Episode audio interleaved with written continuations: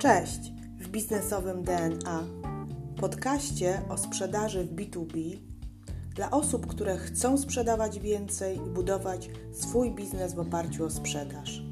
Nazywam się Ewa Piotrowska i w tym podcaście udzielę Ci praktycznych wskazówek z zakresu pozyskiwania klientów, prowadzenia procesu sprzedaży oraz zwiększania ilości klientów. Jeśli jesteś osobą, która lubi sprzedaż, a może masz potencjalnych klientów, którzy składają tylko obietnice, a może nie masz procesu sprzedaży lub strategii sprzedaży, to zapraszam Cię do słuchania tego podcastu. Zaczynamy.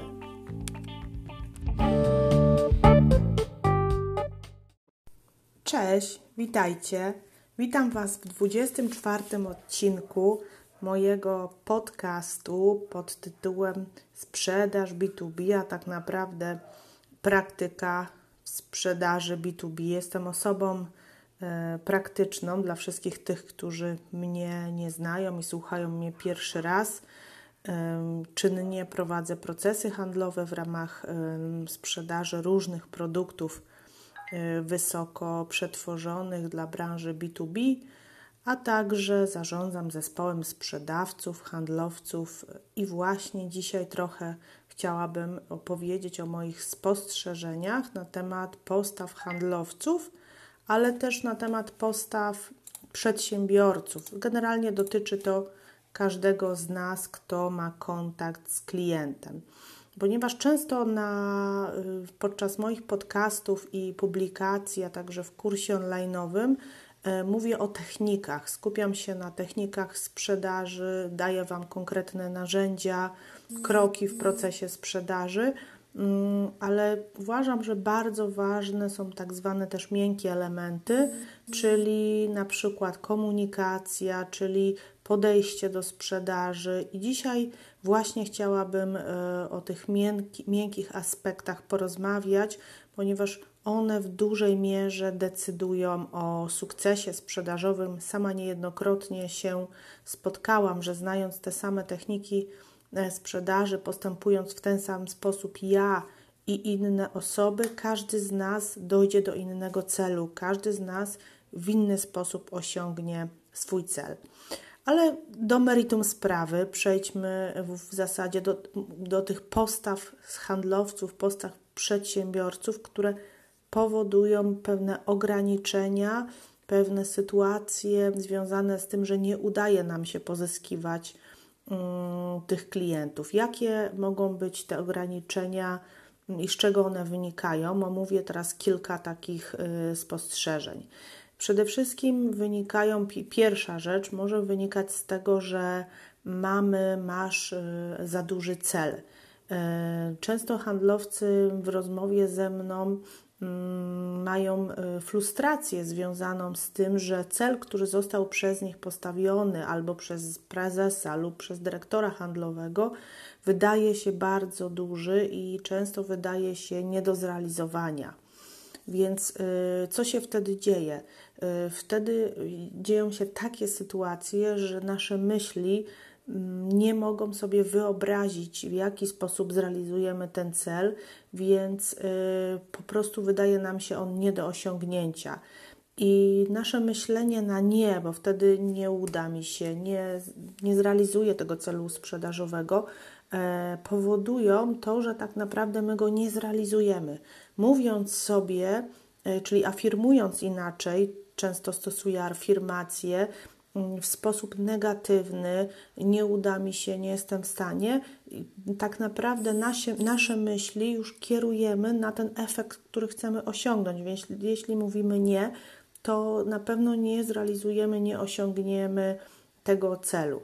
Więc co ja proponuję zazwyczaj? Jeśli cel mm, jest roczny bardzo często albo półroczny i on jest duży, y, podziel sobie taki cel na mniejsze kaweczki, mniejsze handlowych a później jeszcze na mniejsze kawałeczki, czyli na plan już samej skutecznej rozmowy z klientem. Zauważ, że jak podzielimy sobie, na przykład ja swój plan roczny dzielę sobie na kwartały, no to już się wydaje ten cel mniejszy.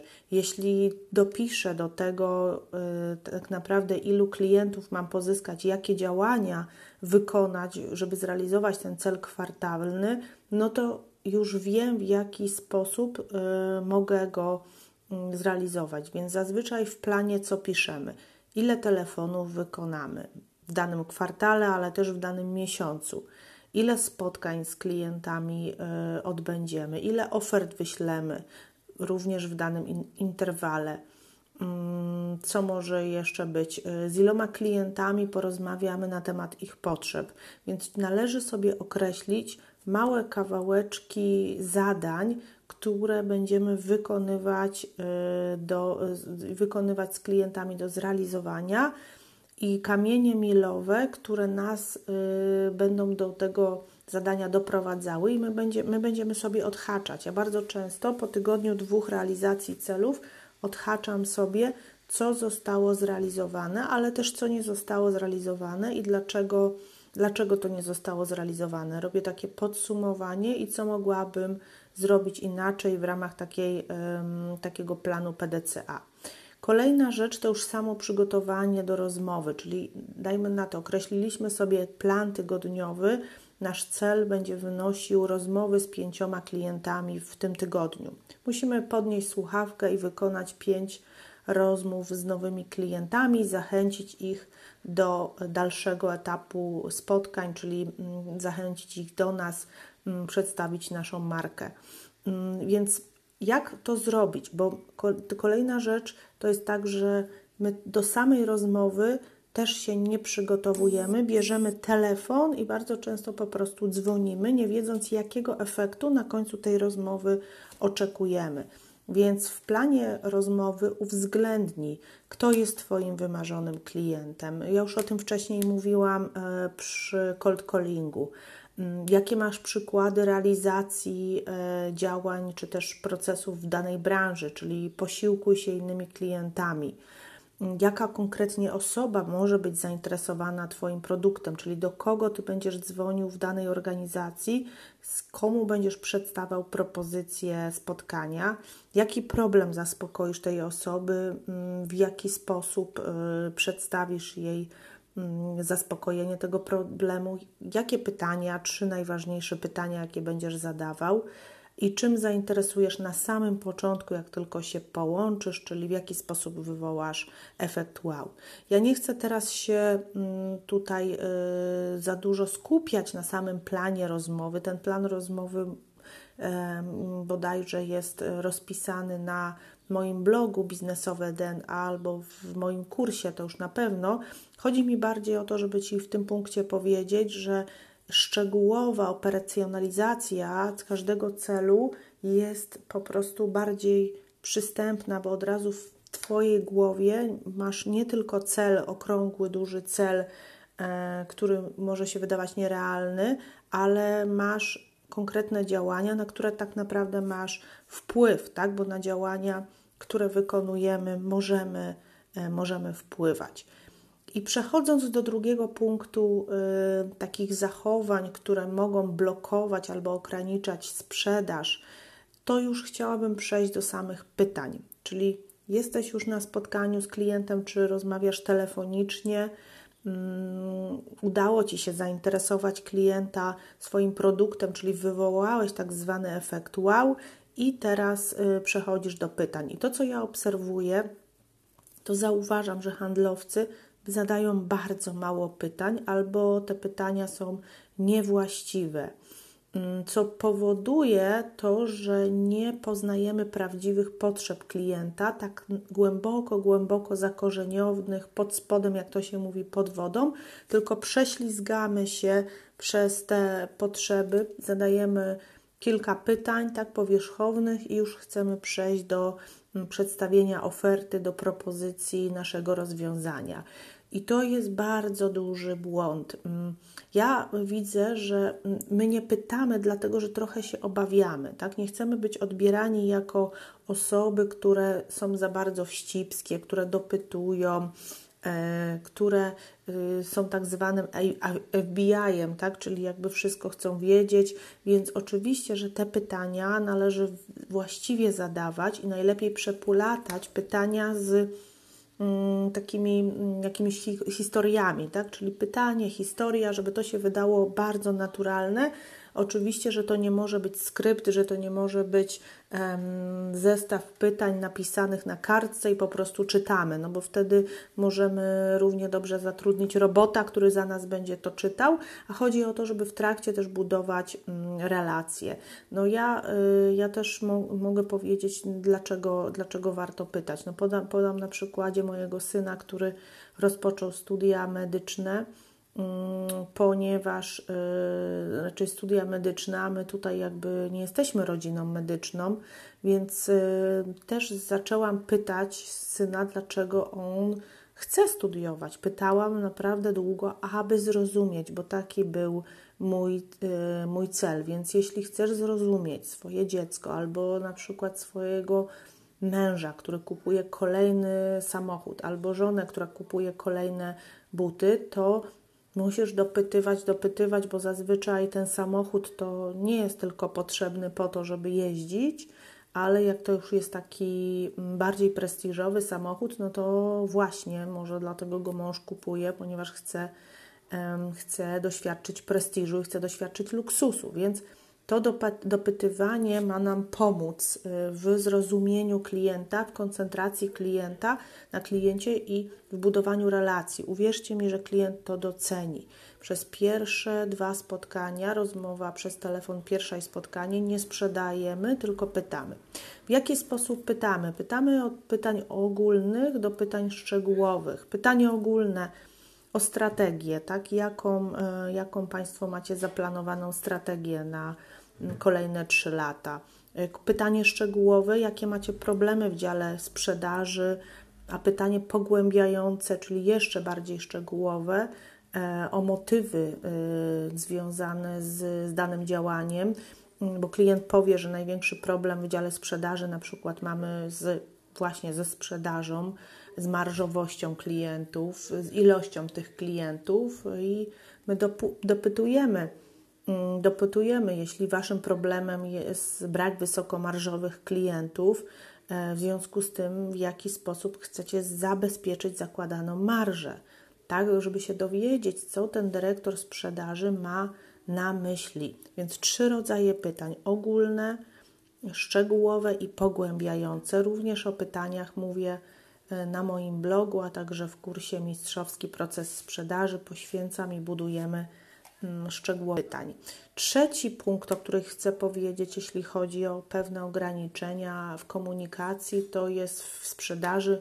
To może się okazać, że zapominamy o tak zwanej otwartej komunikacji na wprost, czyli mm, to, co myślimy, to, co domyślamy się, my po prostu wyraźmy to w kontakcie z klientem Mm, w kontakcie z, z ludźmi, potraktujmy tego klienta jako mm, kogoś, z kim naprawdę chcemy się poznać, gdzie chcemy się coś dowiedzieć, ale nie um, rozmawiając tak, zwane, tak zwanie owijając bawełnę, tylko po prostu pytajmy dokładnie wprost. Y, to też widzę, że handlowcom często nie wychodzi ze względu na to, że E, że, że no po prostu nie chcą, nie chcą, e, nie chcą tak pytać e, dosadnie tak naprawdę.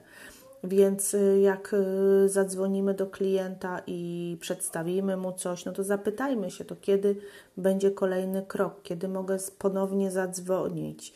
Mm, jeśli klient wysyła na przykład do Ciebie ofertę i czeka na odpowiedź, to też odpowiedz E, sam e, powiedz klientowi, że za trzy dni zostanie przygotowana na przykład dla Państwa oferta albo zadzwoń do klienta. Więc jakby komunikujmy się płynnie, komunikujmy się na wprost. E, bardzo ważne w kontakcie z klientem jest mówienie cały czas, jakby, jakby cały czas, cały czas dyskutowanie i rozmawianie, tak żeby klient wiedział, że zajmujemy się jego sprawami, że to gdzieś nie utknęło, tylko, mm, tylko po prostu E, tylko po prostu zajmujemy się e, tematem. E, zadajesz kilka pytań, przygotowujesz ofertę, i na przykład niestety przegrywasz. Też się tak czasami zdaje, zdarza, tak, że wszystko robimy i okazuje się wtedy, że klientowi zależało na jednym elemencie oferty, który ty, o który nie zapytałeś, albo klient powiedział, a ty nie dopytałeś. Ja miałam taką ostatnią sytuację akurat o PPK było jedno pytanie gdzieś tam e, powiedziane troszeczkę z boku, tak, czyli pracowniczy plan kapitałowy. Jako element całego zapytania o, o sourcing kadrowo-płacowych i powiem Wam szczerze, że to pominęliśmy i zazwyczaj na końcu już przy negatywnej decyzji klient pytany przeze mnie dlaczego, właśnie dlatego, że nie było wyższej opcji, czy też nie pokazaliśmy wyższej opcji tak zwanego PPK Premium, e, bo nie dopytaliśmy, czy ta podstawowa jest wystarczająca. Wiecie, to są takie niuanse. Więc podsumowując, nie pytajmy naokoło, tylko stosujmy otwartą komunikację, ponieważ ona jest kluczem do sukcesu. I kolejna rzecz, o której chcę powiedzieć, ograniczająca e, sprzedaż, to jest ambicja handlowca. E, ambicja handlowca, który wie dużo, bardzo dużo, mm, chce wiedzieć jeszcze więcej, troszeczkę myli, że tak powiem, rolę, w jakich został postawiony, bo ja tylko przypominam, że rolą handlowca nie jest mm, prezentacja swojej wiedzy e, przed klientem i granie w sposób taki, jakby ja tutaj wiem i chwalenie się tym, bo Mm, bo tym na pewno nie zdobędziemy serca klienta. Każdy jest zainteresowany sobą i swoimi problemami, więc e, należy się zastanowić, jaką wartość ja daję klientowi w komunikacji, którą mówię, czyli jak ja mówię do klienta, tak żeby on wiedział, że ja chcę, e, że moim celem jest mu pomóc. Mm, więc e, jakby podsumowując ten element, Mm, to chciałabym tylko powiedzieć, że e, jakby nawet jak nie wiemy czegoś, to powiedzmy, ponieważ klient doceni to, że będziemy szukać rozwiązań, a nie, że jesteśmy chodzącą encyklopedią, tak? To nie jest najważniejsze. Mm, nawet dobrze to wygląda, bo wtedy jesteśmy naturalni i um, nie, nie, nie chwalimy się przed klientem. To klient ma zabłysnąć, to on ma czuć się tutaj zaopiekowany, więc on ma jak najwięcej mówić, a my tylko powinniśmy dobrze pytać. Um, I to się łączy z tym punktem, że skupiamy się mocno na sobie. E, wiemy, że ja wiem, że człowiek jest tak skonstruowany, że moje potrzeby są najważniejsze i ja jestem dla siebie najważniejsza. Natomiast w sprzedaży rolą handlowca, ja to powtórzę, jest skupienie się na drugim człowieku.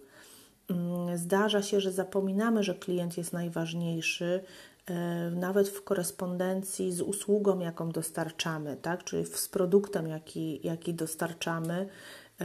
To znaczy, robimy wszystko e, dla klienta, ale także kierujemy ścieżką e, klienta na ścieżkę, która na, da mu jak największą wartość w tym procesie, tak? Czyli tak powinniśmy rozmawiać z klientem, żeby to klient poczuł tą wartość w trakcie, e, w trakcie procesu handlowego. Przykładem może być analiza, którą przy, przeprowadzamy przy naszych projektach, podczas której klientowi proponujemy szereg usprawnień, Mm, których y, nie miał w głowie jeszcze, tak? Czyli jakby my tak naprawdę podpowiadamy klientowi i na końcu klient y, często mówi, że sam wpadł na to rozwiązanie z naszą pomocą i to jest największa nagroda. Czyli podsumowując już dzisiejszy odcinek, ponieważ mówię już ponad 18 minut, a chciałabym tak do 20 maksymalnie skrótowo Wam prezentować te odcinki, Zrozum drugiego człowieka. Musisz zrozumieć drugiego człowieka, wówczas osiągniesz sukces sprzedażowy. Poczuć, że ten człowiek mm, też z Tobą koresponduje, daje Ci informację zwrotną. Więc jakbym miała podsumować takie kluczowe kompetencje, mm, to po prostu, które bym Tobie jakby Ciebie namawiała, w którą stronę powinieneś iść i z czego, z czego się doskonalić, to na pewno z umiejętności komunikacyjnych, bo ona jest kluczem do sukcesu. E, tak naprawdę no, komunikacja jest dzisiaj wyżej postawiona ponad merytoryką e, i umiejętność e, zdobywania informacji zwrotnej od klienta i angażowania klienta w proces zakupowy jest naprawdę niesamowitym zadaniem, w szczególności teraz, jak już jesteśmy po koronawirusie i dzisiaj jeszcze więcej klienci potrzebują atencji. Stawiaj na drugiego człowieka, stawiaj na kolegę w pracy, stawiaj na dział operacyjny, który dostarcza produkt, na otoczenie biznesowe, na partnerów, na swoją konkurencję, stawiaj na klienta, z którym przebywasz w danym momencie i któremu pomagasz. Myślę, że mm, mam nadzieję, że ten odcinek był e, dla Ciebie mm, pomocny. Bardzo będę ciekawa informacji zwrotnej związanej z tą formą komunikacji, ponieważ jak wiecie, w ostatnich pięciu odcinkach publikowałam tutaj na, na, na podcaście filmiki, które również można obejrzeć na, mojej, e, na moim koncie na YouTubie. E, cieszę się, że poświęcasz czas na słuchanie mojego podcastu i że mogę się z Tobą dzielić tą wiedzą. E, do usłyszenia w kolejnym odcinku. Pozdrawiam.